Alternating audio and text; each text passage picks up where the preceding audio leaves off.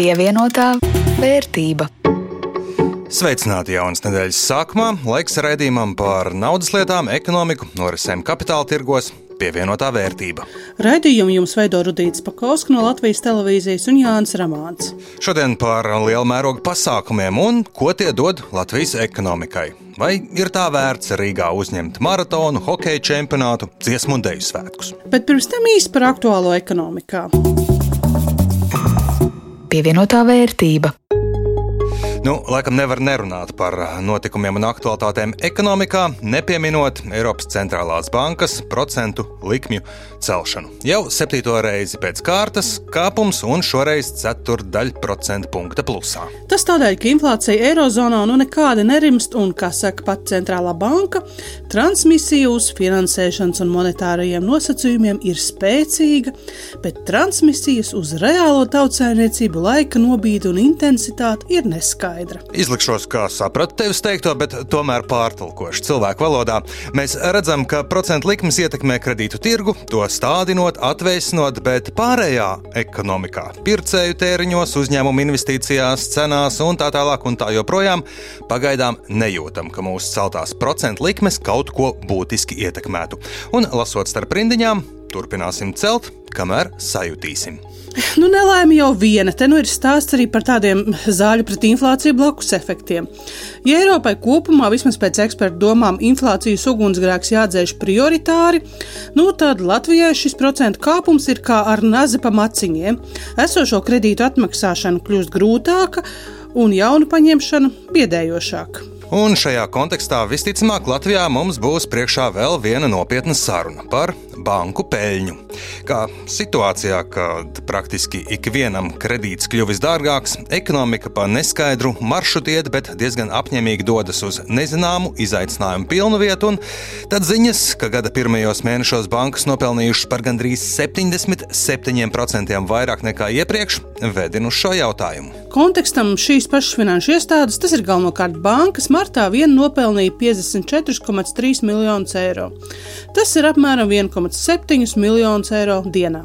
Šie skaitļi paši par sevi saka. Diskusijas par virspeļņas nodokli bankām ir netuvu nav galā. Nu, šoreiz kaut kā paplāna ar labām ziņām. Bijušais Audi vadītājs pēc gadiem ilgas liekšanās atzīst vainu dīzeļgaitā.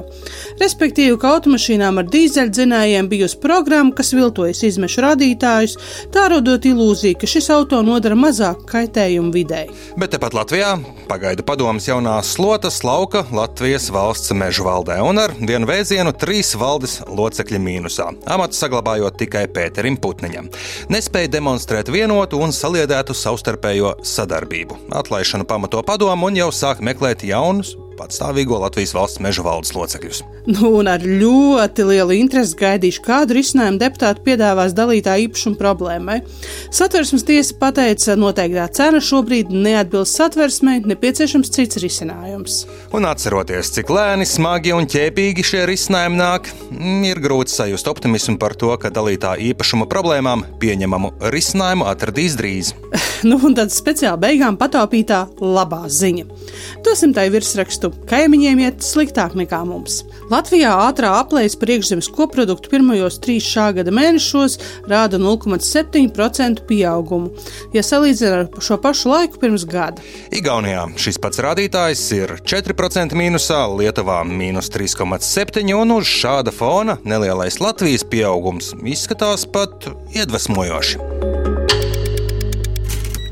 Nākotnē raugoties, varbūt nu negluži ar tādu pārmērīgu optimismu, bet ir skaidrs, ka gada otrajā un trešajā ceturksnī Latvijā Rīgā vairāk vērienīgi pasākumi atstās savu nospiedumu arī ekonomikā. Jā, šomēnes Rīgā mutuļos sports. Pavisam nesen, pagājušā nedēļas nogalē, Rīgā pulcējās vairāki tūkstoši skrējēji, bet no šī mēneša vidus līdz tā izskaņai Latvijā notiek pasaules hokeja čempionāts. Savukārt jūlijā Rīgu pieskandinās dziesmu un deju svētki. Šie visi vērienīgi sporta un kultūras pasākumi ne tikai palīdz spodrināt Latvijas vārdu un tēlu ārvalstīs, bet arī atstāja vērā ņemamu pēdu Latvijas ekonomikā. Cik liela ir šī pēda, plašāk Lindas Zalāns ierakstā. Kopskaitā Rīgā varētu ierasties aptuveni 40 tūkstošiem ārvalstnieku. 2023. gada pasaules hokeja čempionāta Latvijas organizatoriskās komitejas vadītājs Edgars Buncis stāsta, ka katrs no pilsētas viesiem paliek Rīgā vienu vai vairākas naktis. Mēs tā rēķinam, ka šīs viesnīcu vai dzīvošanas naktis, ko šie ārzemnieki pavadīs Rīgā un Latvijā, būs no 100 līdz 120 tūkstošu viesnīcu naktī. Ja mēs runājam par komandām, tad komandu kopējais dalībnieku skaits ar apkalpošo personālu un treneriem mēs rēķinamies, ka tās ir aptuveni 310 personas.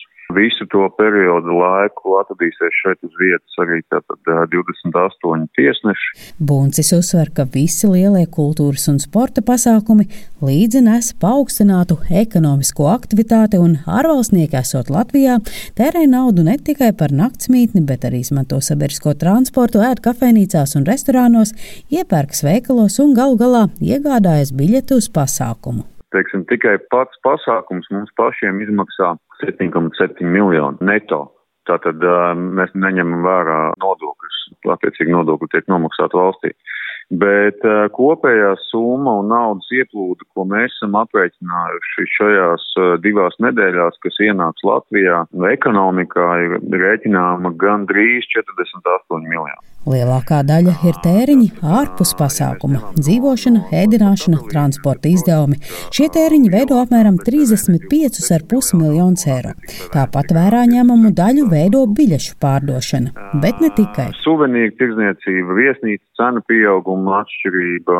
Nu, tātad, ja jūs paskatīsieties, tad uz šo periodu Rīgā viesnīcas cenas arī ir pieaugušas. Tad, attiecīgi, ir gan papildus peļņa, gan papildus PVN valstī. Un tas ir iegūms ne tikai pilsētas, bet arī, protams, valsts ekonomikai. To apliecina arī Rimīrīgas maratons, kas ik māju pulcē tūkstošiem skrējēju, un šī pavasara lielie skriešanas svētki noritēja pavisam nesen pirms dažām dienām.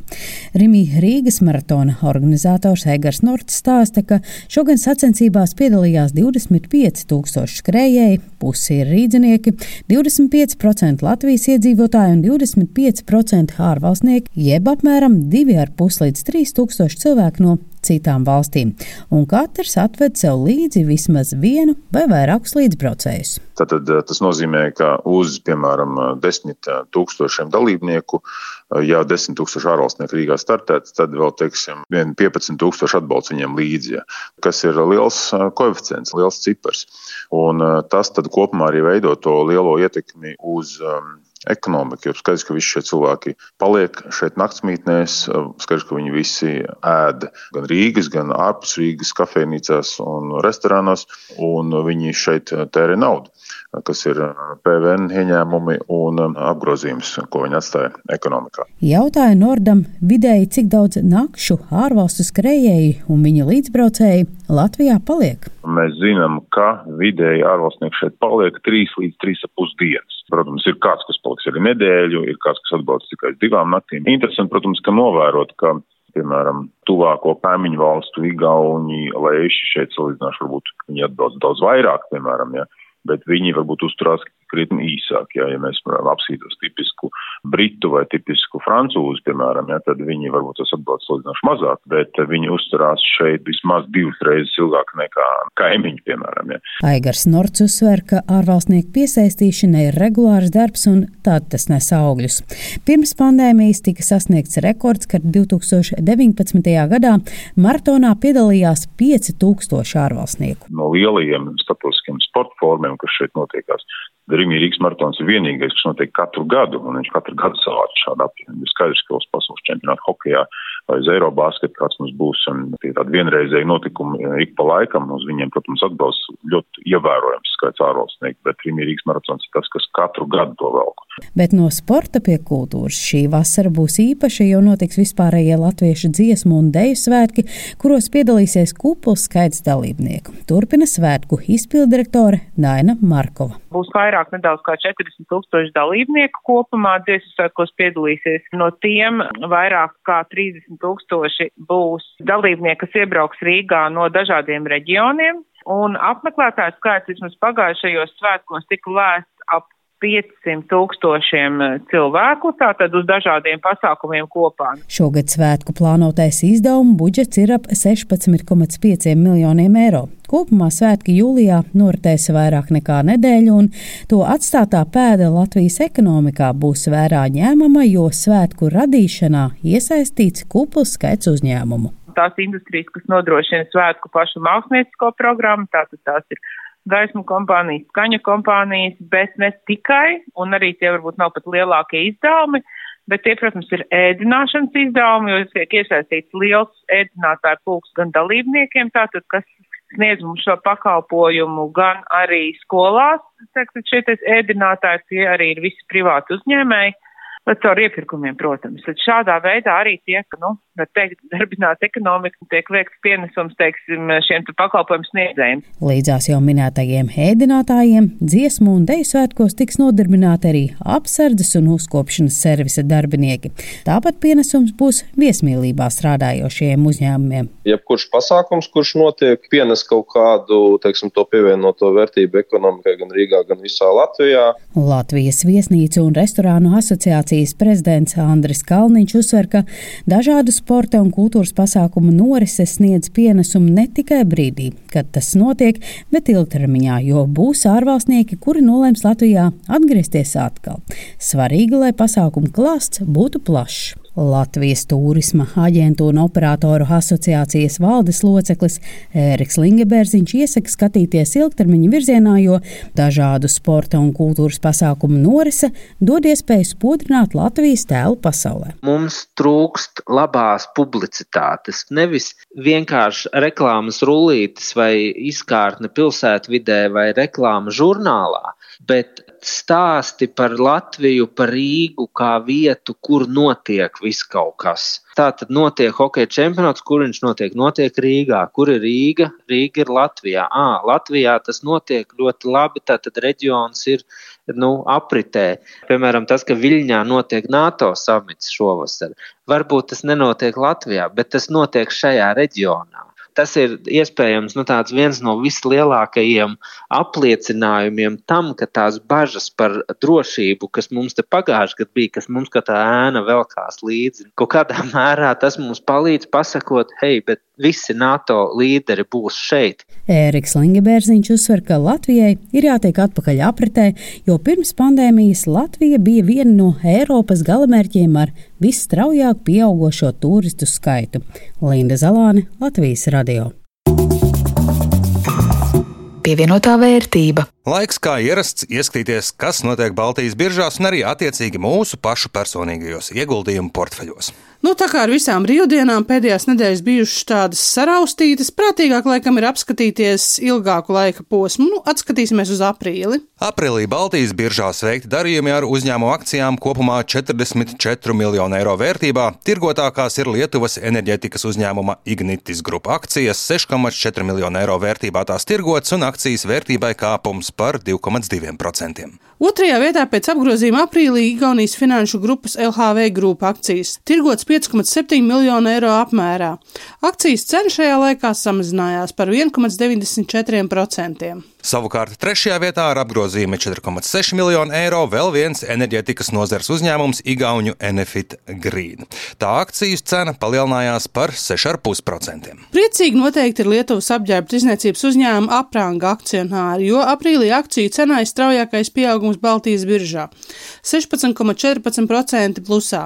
Uzņēmuma akcijas cena mēneša beigās bija 2,95 eiro. Ielūkojoties manā portfelī pēdējās divas nedēļas, var teikt, pa nulēm tika klāt nākušas pāris eiro no Kūpbanka dividendēm. Kopējā portfeļa vērtība šobrīd man 482,55 eiro. Kā tev, Rudīt, aprangas straujais akciju cenu kāpums ir palīdzējis man noķert? Nu, aprangas pieaugums, protams, devis man savu plusiņu, bet ar sūrstošu lepnumu jāatzīstās, ka esi priekšā un šo pāris nedēļu laikā portfeļa vērtība par dažiem eiro samazinājusies. Ar to arī skan šīs nedēļas raidījums pievienotā vērtība. Ar jums kopā bija Jānis Ramāns un Rudīts Pakausks no Latvijas televīzijas, mūsu skaņu meistars Renārs Steimanis. Šo un citus raidījumus var noklausīties Latvijas radio arhīvā, jūsu raidierakstu klausīšanās vietās un arī Latvijas radio aplikācijā. Uz tikšanos!